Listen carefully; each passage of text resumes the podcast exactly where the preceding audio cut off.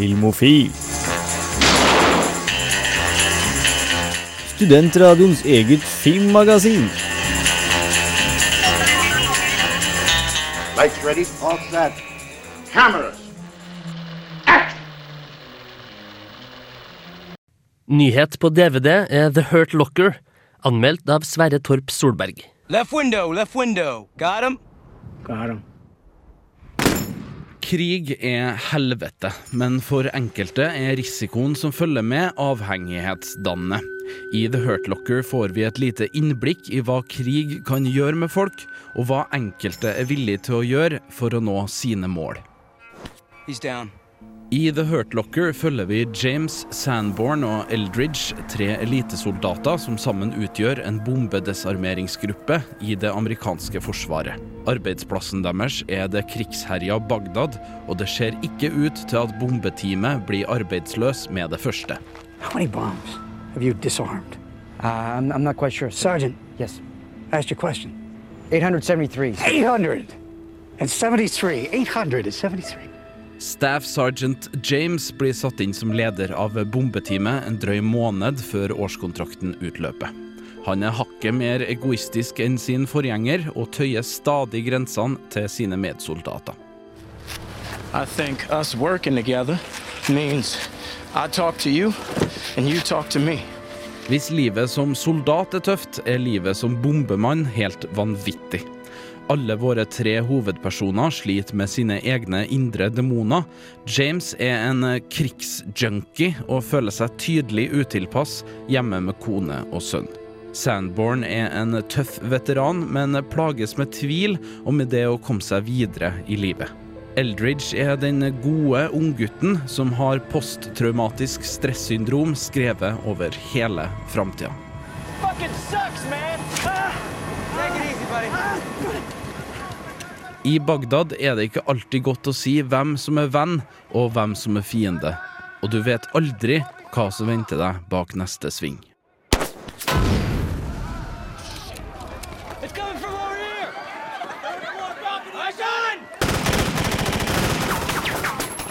Å desarmere hjemmelagde eksplosiver i en krigssone anser jeg som en av verdens mest krevende jobber.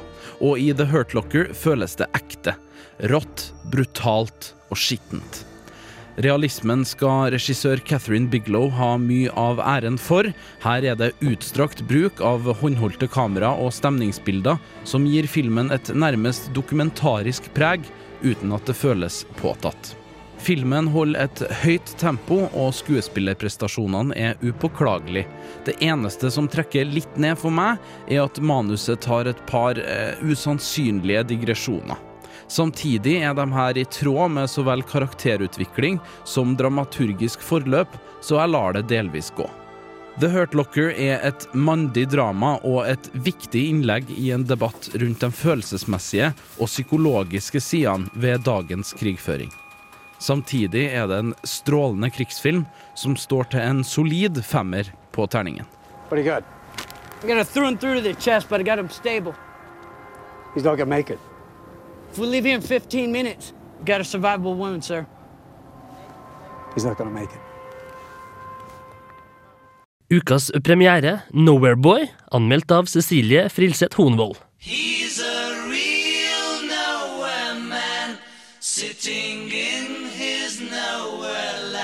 I regissør Sam Taylor Woods film 'Nowhere Boy' får vi ny innsikt i Beatles-legenden John Lennons oppvekst og ungdomsår. Vi befinner oss i Liverpool, England. Året er 1955, krigen er over, og Elvis preger både de unges musikksmak og guttenes hårsveis. My father and my mother split when I was about four, I put a spell on you. and I was brought up by an auntie. Just remember all I have done for you. You would be in a children's home. When I was 16, I met with my mother. Because you're mine.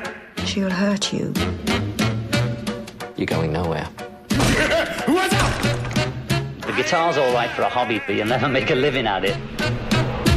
John Lennon vokser opp hos sin tante Mimi og onkel George, mens han prøver å finne ut av sitt forhold til sin mor, Julia, som også ønsker sin del av han.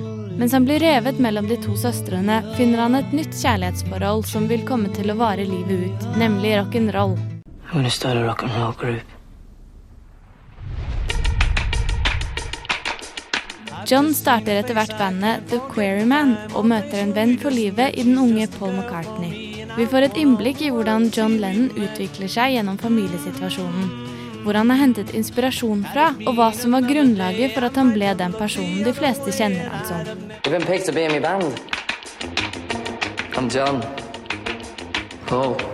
Horizontal from the elbow, strong from the wrist. Strong from the wrist. John, be serious. Nowhere Boy er en praktfull og bevegende historie om en legendarisk musiker. Men det er hovedsakelig en oppveksthistorie om en ung og sårbar gutt som forsøker å finne sin plass i verden, med en kaotisk og forvirrende familietilværelse som stadig forstyrrer. Selv om filmen har fått kritikk i hjemlandet for ikke å forholde seg korrekt til den virkelige historien, skaper det ingen stopper for opplevelsen av filmen. Me and Mum have had a bit of a heart to heart. Yeah, she said you stole me. Your mother walked out. You chose to take my son. Den mellommenneskelige jordnære skildringen av forholdene mellom karakterene er noe de britiske filmskaperne er gode på, og Nowhere Boy overbeviser virkelig.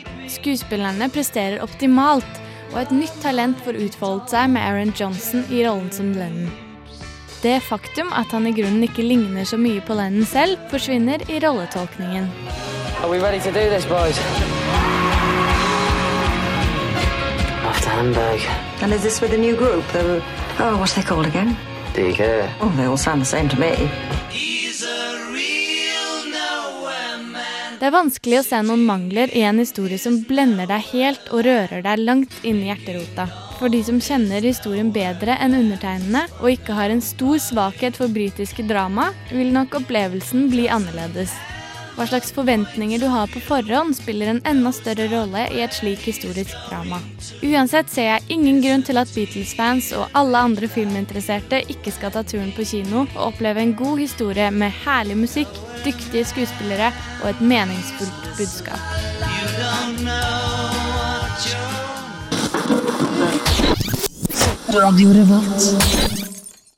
På kino nå, Percy Jackson og lyntyven, anmeldt av Sverre Torp Solberg.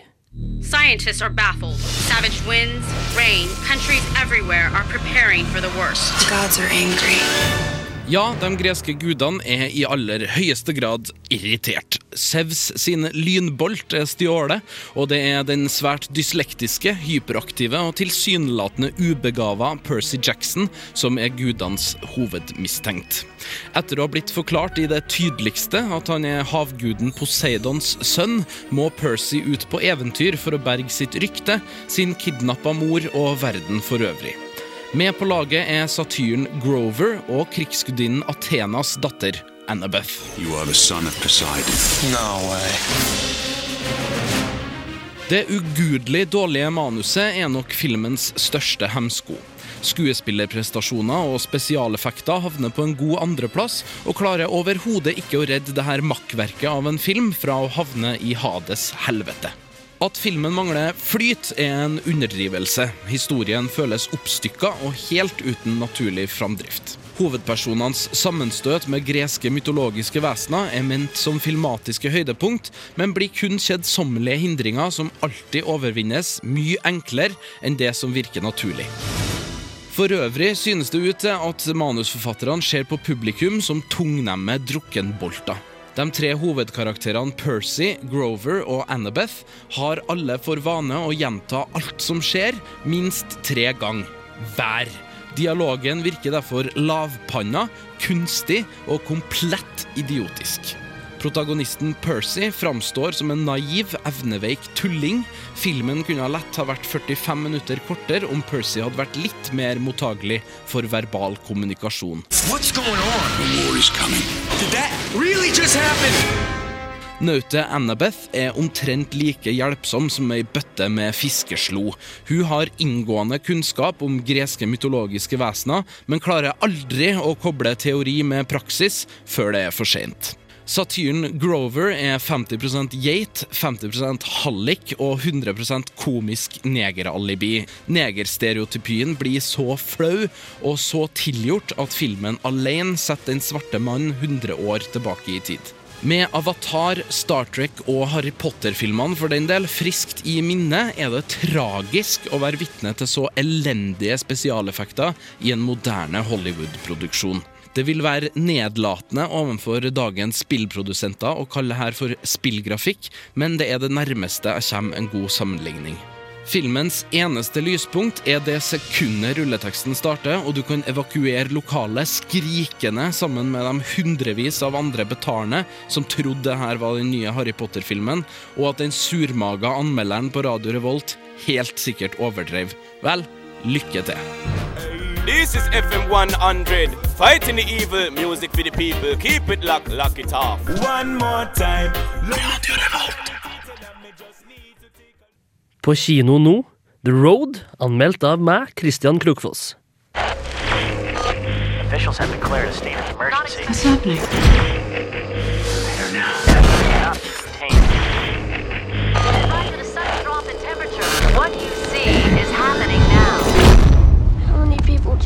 Still alive? In the world? Not very many. Verden har gått under, og det meste av liv har forsvunnet fra jordas overflate. Mat er nærmest umulig å oppdrive, og et stort skjold av aske stenger for lys og varme. I The Road møter vi en far og hans unge sønn som legger ut på en vandring gjennom et dystopisk og iskaldt landskap. De har et enkelt mål å komme seg sørover, kanskje til kysten. Der er ikke vinteren like hard, og det er alltid mulighet for å treffe likesinnede mennesker. For desperate tider skaper desperate menn, og blodspor i snøen betyr at det er sultne mennesker i nærheten. Yeah, they came over. It's south to the coast. That boy looks hungry. Why don't y'all come on the truck? You look at him again, I'll shoot you in the head. I don't think you killed a man in your life. Hva som egentlig har skjedd, blir aldri forklart. Hvorvidt det var en naturkatastrofe, en menneskeskapt undergang eller en meteoritt som streifa planeten vår. Det er heller ikke poenget med filmen. Det er far og sønn sin historie som blir fortalt, og hvordan de kan overleve under umulige omstendigheter. Tospannet spilles av knallharde Viggo Mortensen og veslevoksne Cody Smith McPhee, som var knappe tolv år når filmen ble innspilt. Begge gjør glimrende prestasjoner. Gjennom flashbacks møter vi også Charlize Theron som kone og mor, og de scenene hjelper litt med å forklare opptakten til guttene sin lange vandring. They're gonna catch up with us, and they're going to kill us. Everything depends on reaching the coast. I told you I would do whatever it takes. Like what? Like what? Kill anyone who touches you, because that's my job.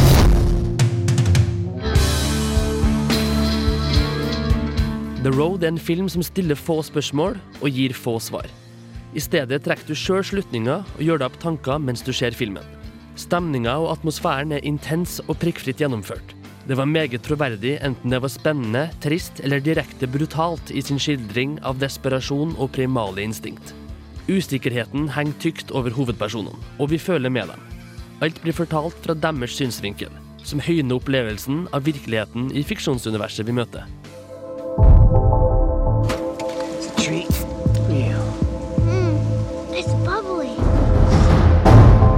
Mm, it's survive another winter here. Yeah, they came over. It's south to the coast. Regissør John Hillcoat og manusforfatter Joe Penhall har virkelig fanga essensen til Cormac McCarthys kritikerroste roman. Han er for øvrig også kjent som forfatteren bak No Country for Old Men. Tempoet er sakte, men The Road er aldri kjedelig. Skuespillet er glimrende. Utenkelige situasjoner virker naturlig og realistisk.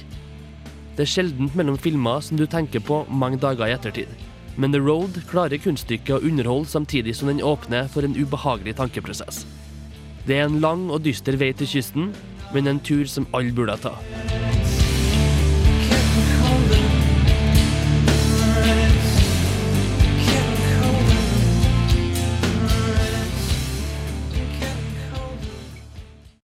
På kino nå, Moon, anmeldt av Stig André Christiansen.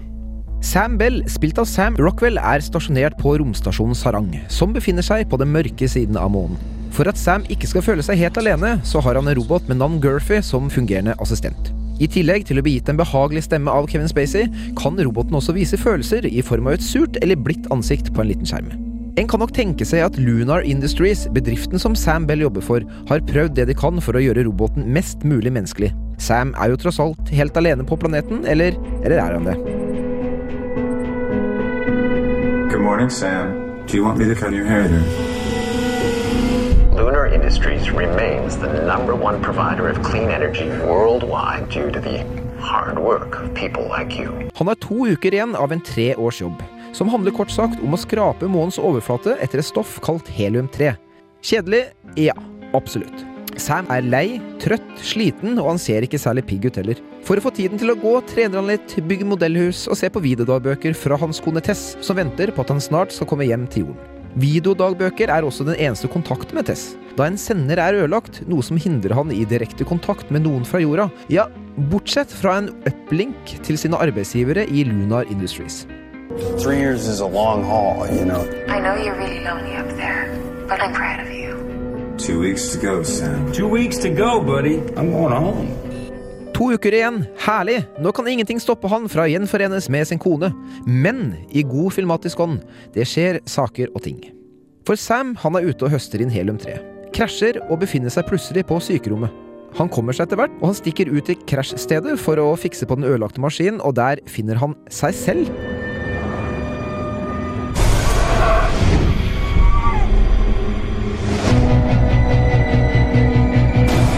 Sam outside. Who tell? You that is! Perhaps you were imagining things. What's going on? Where did he come from? Why does he look like me? You've been up here too long, man. You've lost your marbles. Two weeks, two weeks, two weeks. Her begynner et meget imponerende skuespill mellom Sam og Sam. Hvem er hvem? Eller rettere sagt, hvem er originalen? Finnes det egentlig to Sams her? Drømmer Sam? Er han i koma? Har all tiden alene på romstasjonen gjort at han har skapt seg en venn? Eller er han rett og slett blitt gal?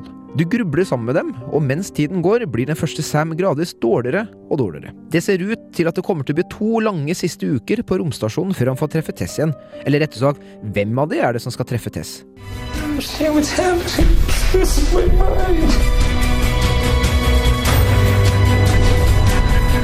I want to go home. I know.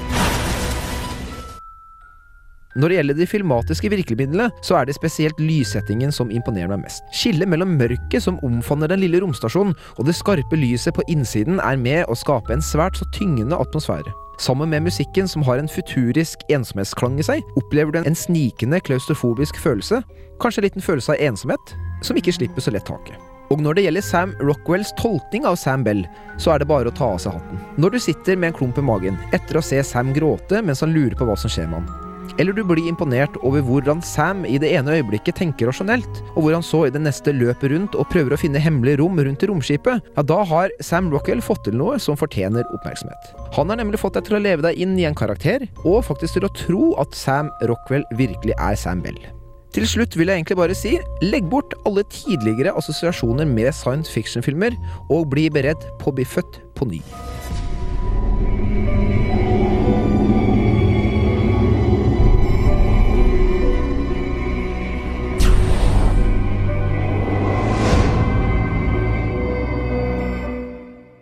På kino nå, Fish Tank, anmeldt av Jonas Kirkhus. You need sorting out, you do. So you keep saying, but you don't know nothing, so why should I listen? Mia er 15 år og i ungdomsopprør. I en ganske dårlig del av byen bor hun sammen med ei ødelagt mor, ei frekk lillesøster og masse billig vodka. Med disse forutsetningene må Mia utforske både verden og seg sjøl, uten å ha noen formening om hvordan eller hvorfor en gjør sånt.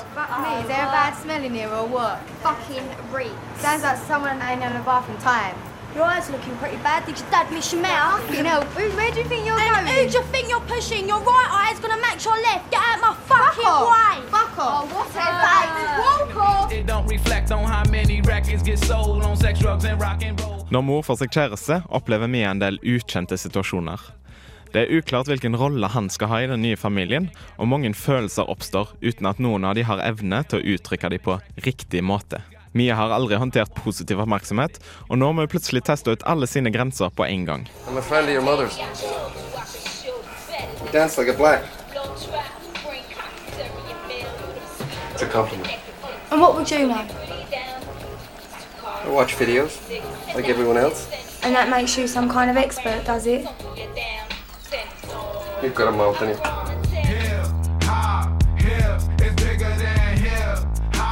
Dans er det eneste stabile i Mia sitt liv, og fungerer som en slags vei ut av tankene og et slags håp om en vei ut av nabolaget. Tematikken i Fishtank er velkjent for sjangeren, men føles aldri klisjéfull eller unødvendig. Dette er skitten engelsk sosialrealisme som funker. Det gjøres ingen forsøk på å forklare eller rettferdiggjøre noe som helst.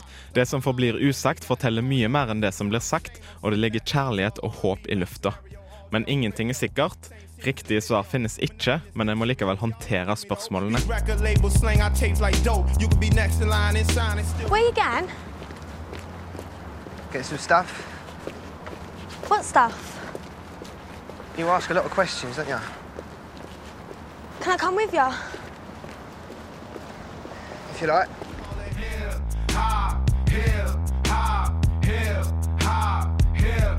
Sammen med godt skuespill og riktig lydbruk gjør dette Fish Tank til en fin og troverdig film om engelsk underklasse, håp og håpløshet.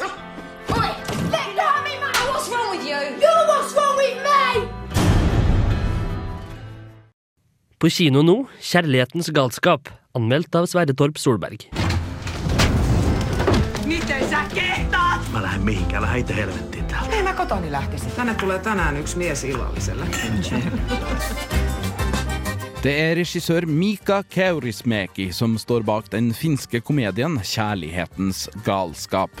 Juhani og Tula skilles etter ti års ekteskap, men skal prøve å bo under samme tak enn så lenge. Mannen Juhani er ekteskapsrådgiver og setter opp regler for samboerskapet, men tuller det til og drar med seg en ny kvinne hjem allerede første kvelden. Tula blir sjalu og ringer sin gamle elsker for å hevne seg på eksmannen, som igjen må finne på et nytt sprell for å såre fruen i huset. Og sånn fortsetter det. Kuule kulta, jos sä lähdet, niin ehkä pysty en. Ilman sua kaikki on yhtä pimeää. Sydämen De to ektefellenes psykologiske krigføring seg imellom går etter hvert utover en rekke andre personer, deriblant Tulas savnede mor, Johanis helkriminelle halvbror og flere av eksparets mer spesielle venner. Det blir veldig mye sex, litt vold og et par skikkelig heftige dialogvekslinger, men filmen blir aldri spennende og aldri så morsom at jeg tørs å le høyt. Kunnes kuolema teidät erottaa. Kjærlighetens galskap får meg til å trekke på smilebåndet, men det slutter der.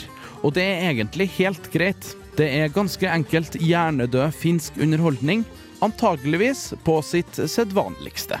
Terningkast fire.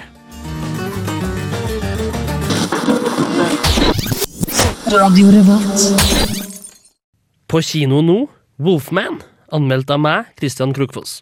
It was torn to pieces and half eaten. Whatever did it was big, and buckshot couldn't kill it. After that, my father went home, cast silver bullets. Wouldn't leave the house on a full moon from then on. Myten om varulver skal være kjent for de fleste. En grusom forbannelse forandrer en stakkar til et blodtørstig ulvevesen når fullmånen lyser opp nattehimmelen. Vanlige kuler og krutt biter ikke på. Her må det sølvkuler og forloren kjærlighet til. Wolfman er en nyinnspilling av en grøsserklassiker fra 40-tallet, og har vært Benicio del Toros drømmeprosjekt i lengre tid. Han er produsent og spiller hovedrollen, og er flankert av Anthony Hopkins og Emily Blunt. Lo and behold, prodigal son returns. Hello, Father. You've come for the funeral. What happened? Your brother's body was found in a ditch. He'd been torn to pieces. If there's anything you need, please let me know. I want to know what happened to him. Vi er på et engelsk gods av den aristokratiske sorten i 1891. Benicio del Toro og Anthony Hopkins som far og sønn Talbot blir rysta av drapet på bror og sønn, som er etterlatt av sin forlovede i Emily Blunts skikkelse.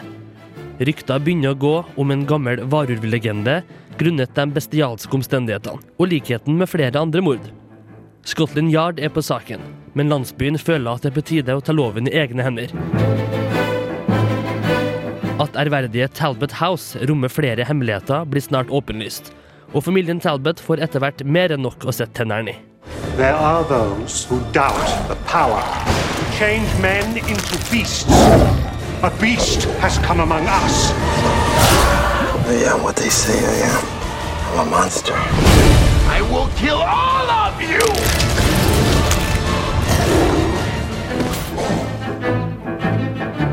Wolfman er innhylla i et teppe av tåkelagt gotikk og ser veldig flott ut. Den viktorianske stilen kler en heller tynn og forelda myte.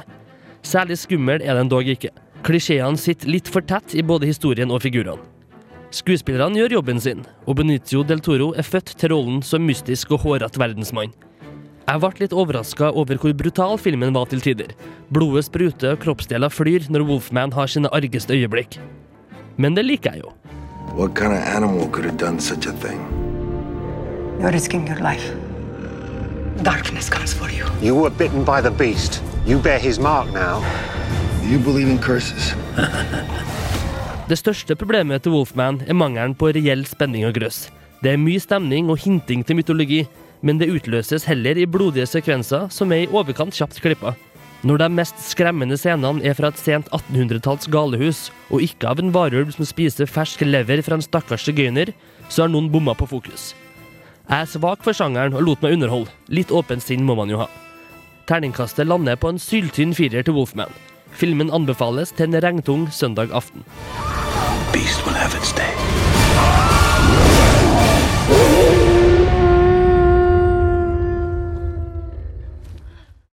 På kino nå, Where the Wild Things Are, anmeldt av Cecilie Frilseth Hoenvold. I'm Max. I'm an explorer. I travel by sea. I used to travel by air. Obviously, you have no home or family. Well, I have one of those, but But you ate them all? no. I have no plans to eat anybody. Where the Wild Things Are er basert på Maurice Sendaks legendariske barnebok fra 1963. Den omhandler Max, en ensom og misforstått gutt som forsøker å holde familien samlet. Med morens nye kjæreste i bildet og en pubertal fraværende søster er det ikke like enkelt å bli sett. You are now the king, you will be a truly great king. Hey, King, what's your first order of business? It's the Wild rumpista! Max rømmer og søker tilflukt i fantasienes verden, der han havner i et øde landskap hvor de store, rare, pelskledde hututuene lever. Max blir etter hvert hututuenes konge, og blir utfordret til å overvinne problemer han også har fra den virkelige verden. Well. I'm Ira. The holes in the trees. This is Judith. You don't really need to know me. Kind of a downer. That's Alexander. I hate this tree! Well, he just wants attention. Don't give him the satisfaction. That's Douglas. I counted him for everything. Gjennom en levende og virkelighetsnær kamerabruk blir vi dratt inn i en fantasiverden med minimalistiske og estetisk vakre omgivelser. Regissør Spike Jones tar seg god tid til å fortelle historien, og lar publikum reflektere over det som skjer. Et godt utgangspunkt for historiefortelling, men mot filmens midtparti blir det kanskje litt for langtekkelig for et voksent publikum. We'll take care of each other and we'll all sleep together in a real pile.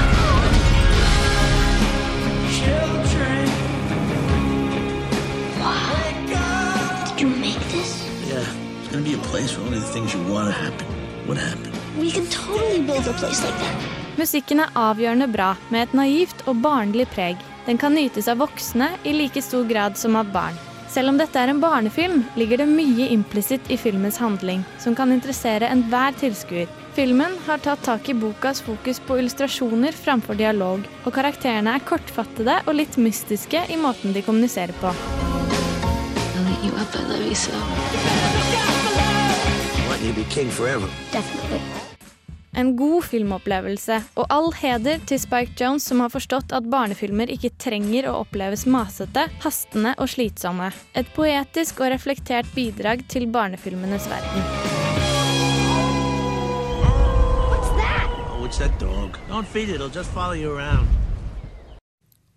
På kino nå, Daybreakers, anmeldt av meg, Christian Krokfoss. You like being a vampire, son? I'm good at this. I was never very good at being human. Immortality is the miracle. We are blessed. I Daybreakers er året 2019, og størstedelen av jordas befolkning har blitt vampyrer grunnet sykdomsutbrudd og pest. De få menneskene som er igjen, blir jakta for blodet sitt, men snart vil vampyrene gå tom for fersk næring. Rasjonering skaper desperasjon. Forskere jobber på spreng for å finne substitutter og alternativ. Her møter vi Ethan Hawke som sjefshematolog, som viser sympati for menneskene, sjøl om tørsten kan være overdreven. Vampyrer som går for lenge uten næring, blir til ville skapninger som angriper alt og alle. Samfunnet er på vei mot en blodig kollaps. What happens when there isn't a single drop left? These are desperate times. We only have enough blood to sustain our population till the end of the month. We're talking about the extinction of the human race. If a blood substitute is not found immediately, this will happen to all of us. Ethan Hawke snubler over en gruppe mennesker og setter livet på spill for at de skal unnslippe innhøsternes vrede.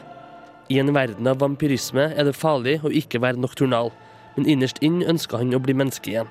Situasjoner oppstår hvor han øyner mulighetene for at det kan finnes en kur. Sam Neill spiller sjefen for en kynisk blodprodusent, og William Defoe er mannen som har ingenting å tape i kampen for overlevelse. We need your help. We want to rebuild the human race. A blood substitute is not a cure. I was like you once, and not no more. Who are you? We're the folks with the crossbows.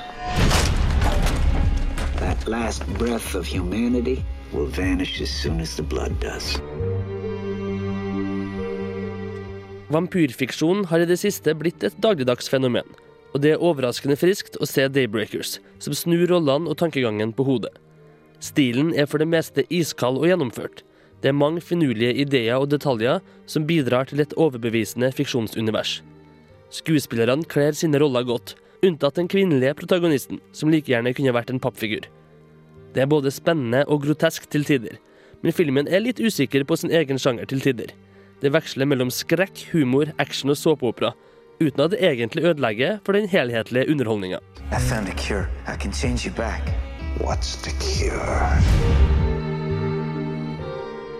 Daybreakers har en frisk vri på de fleste vampyrklisjeer, og trekker mange paralleller til dagens samfunn.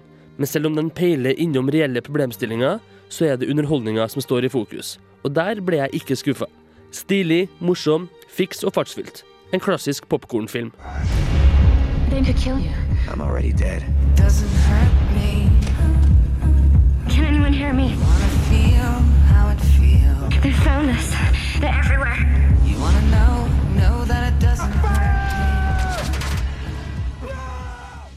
På kino nå, Valentine's Day. Anmeldt av Jonas Kirkhus.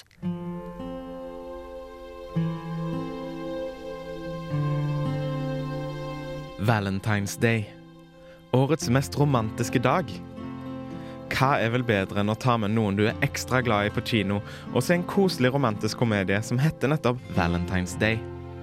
Svaret er det meste. So how do you guys feel about each other? Oh my gosh, I totally love him. And I'm crazy about her. Sabian wrote his number on my hand. There you have it, young love, full of promise, full of hope, ignorant of reality. Valentine's Day følger mange forskjellige karakterer som på hver sin måte er på jakt etter ekte kjærlighet. Menn bør finne en måte å imponere sine kvinner på, og kvinner bør finne seg en mann som kan imponere dem. It's my fault that I'm alone on Valentine's Day. My closest relationship is with my Blackberry. Right. Thank God it vibrates. Valentine's Day er stappfull av skuespillere henta fra andre middels romantiske komedier, og fordelen med så mange karakterer og historielinjer er at jeg slipper å følge én irriterende person gjennom hele filmen. Valentine's Day is about anger, disappointment, love, Romance. Mating. discretion. Sparkly. Commitment. I love it. I love hype. Filmen er som en amerikansk kopi av Love Actually. Minus sjarme, minus humor og minus god dialog. Gode øyeblikk finner man her òg, men vil du tilbringe to romantiske timer med din kjære på Valentine's Day? Finn på noe annet. You're the most special Valentine I have ever had. But just don't tell the other kids we had a date in the bar. It's just a little inappropriate. Men egentlig er det vel kanskje midt i blinken med en oppskrytt kommersiell film til en oppskrytt kommersiell dag. Happy Valentine's Day. I love it. I love hype. På kino nå, Invictus, anmeldt av Sverre Torp Solberg.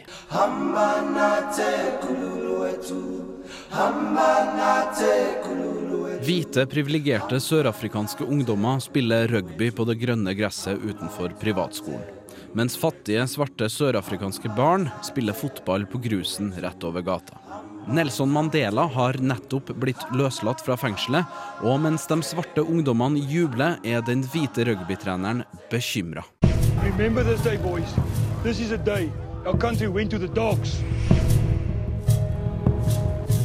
Invictus handler om Sør-Afrikas rugbyteam Springboks, som mot alle odds vant VM-finalen i rugby på hjemmebane i 1995, og sikra sitt land ære, berømmelse og en diger pokal.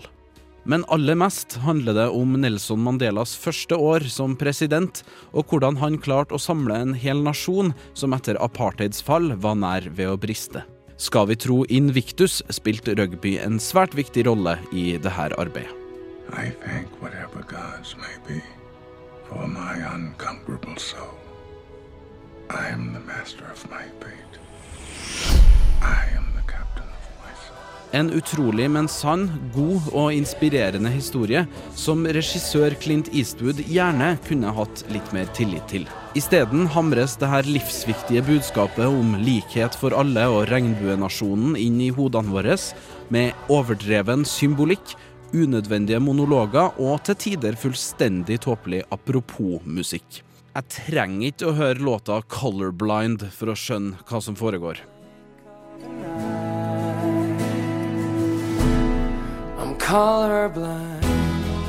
Selv med fare for å drukne i tung symbolikk, er Invictus en film det er verdt å få med seg. Morgan Freeman er født inn i rollen som Nelson Mandela, og det er tøft gjort å spille en i aller høyeste grad levende legende på film. Matt Damon er heller ikke så verst i rollen som rugbykaptein PNR, godt trent og med en herlig sørafrikansk aksent. Do you hear? Listen to your. Foruten å være en bok og en film, er Invictus også et dikt som inspirerte Mandela de 27 årene han satt fengsla på Robben Island. Filmen Invictus kan også inspirere og minne mennesker på at sjøl om man har alle odds imot seg, så er det mulig å forandre verden. Og at hvis du slår det budskapet inn hardt nok, vil det forhåpentligvis sitte.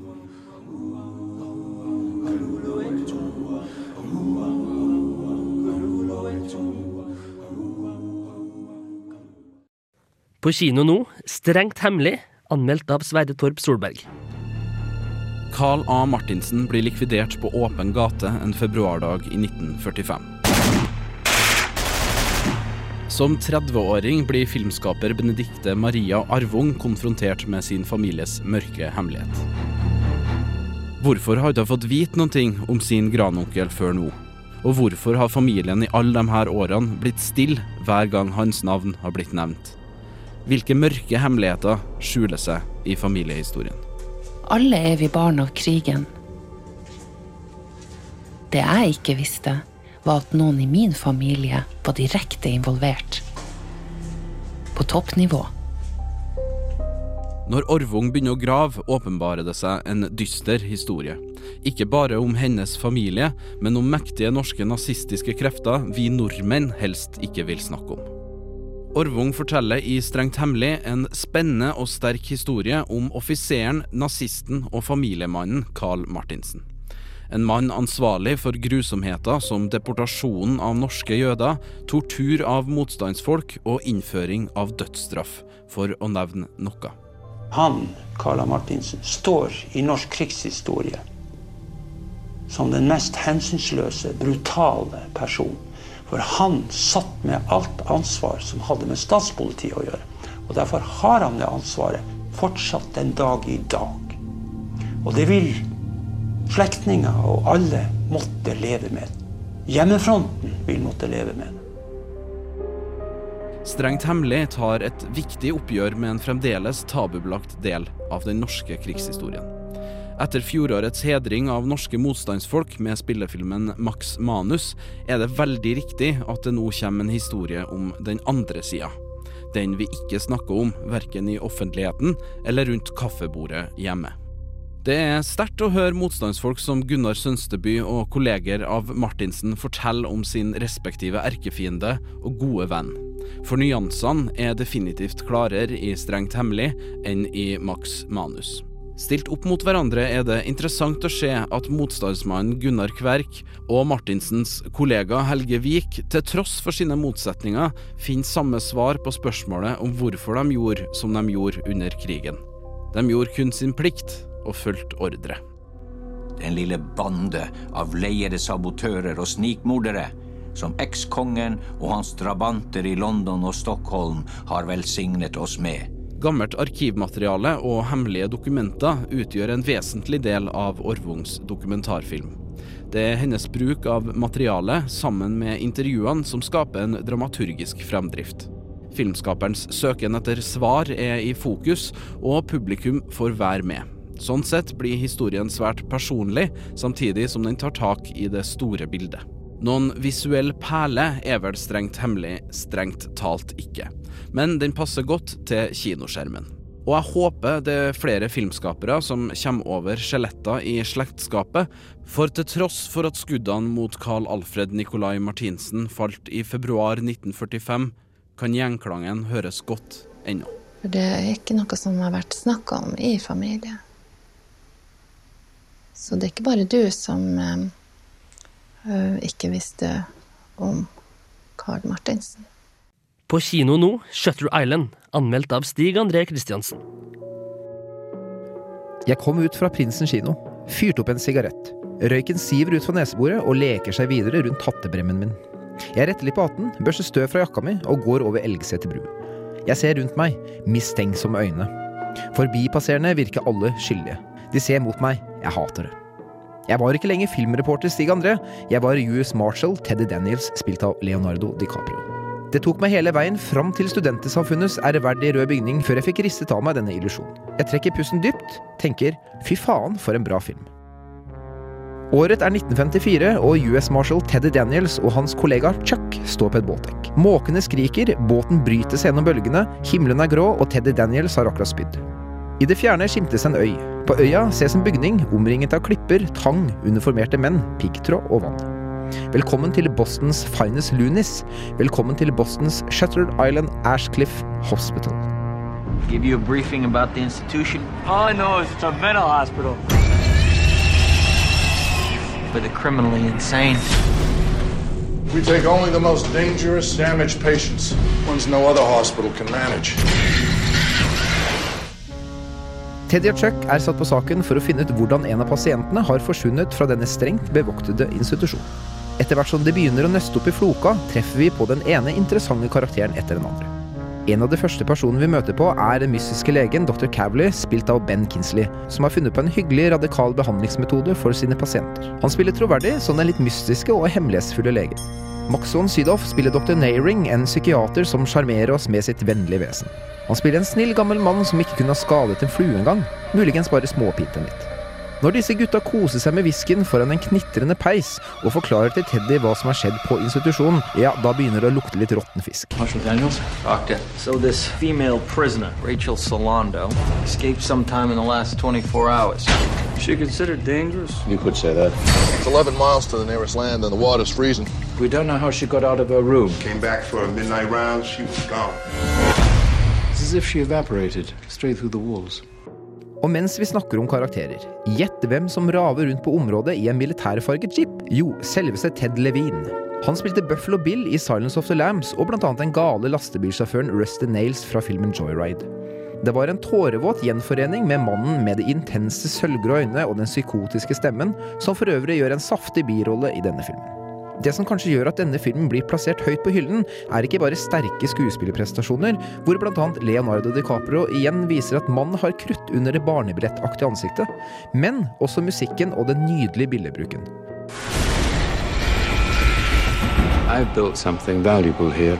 Don't you get it? You're a rat in a maze. Valuable things have a way of being misunderstood. Who knows about this? Everyone. The nurses, the, the, the orderlies, they, they couldn't possibly know. Everyone. Musikken varierer i enkeltinstrumenter som brummer de mørkeste tonene og skaper en skummel stemning, til klassiske musikkstykker som bygger opp under mange av de visuelle opplevelsene i filmen. Billedbruken er også en opplevelse i seg selv. Glimt fra en snølagt konsentrasjonsleir hvor døde mennesker er fryst fast i horrible stillinger, til rom hvor aske svever rundt i luften, mens Teddy holder sin kone hardt av armene, til bølger som slår inn mot klippene. Hvis jeg skal pirke på noe, så må det være at noen av scenene i filmen virker en smule for melodramatiske. Ikke at det er uten grunn, men allikevel, det kunne enkelte ganger ha blitt tonet litt ned. Men la det være sagt. Dette er en riktig lekker spenningsfilm, og en film jeg så absolutt vil anbefale dere lyttere. Seen any walking nightmares lately, Marshall?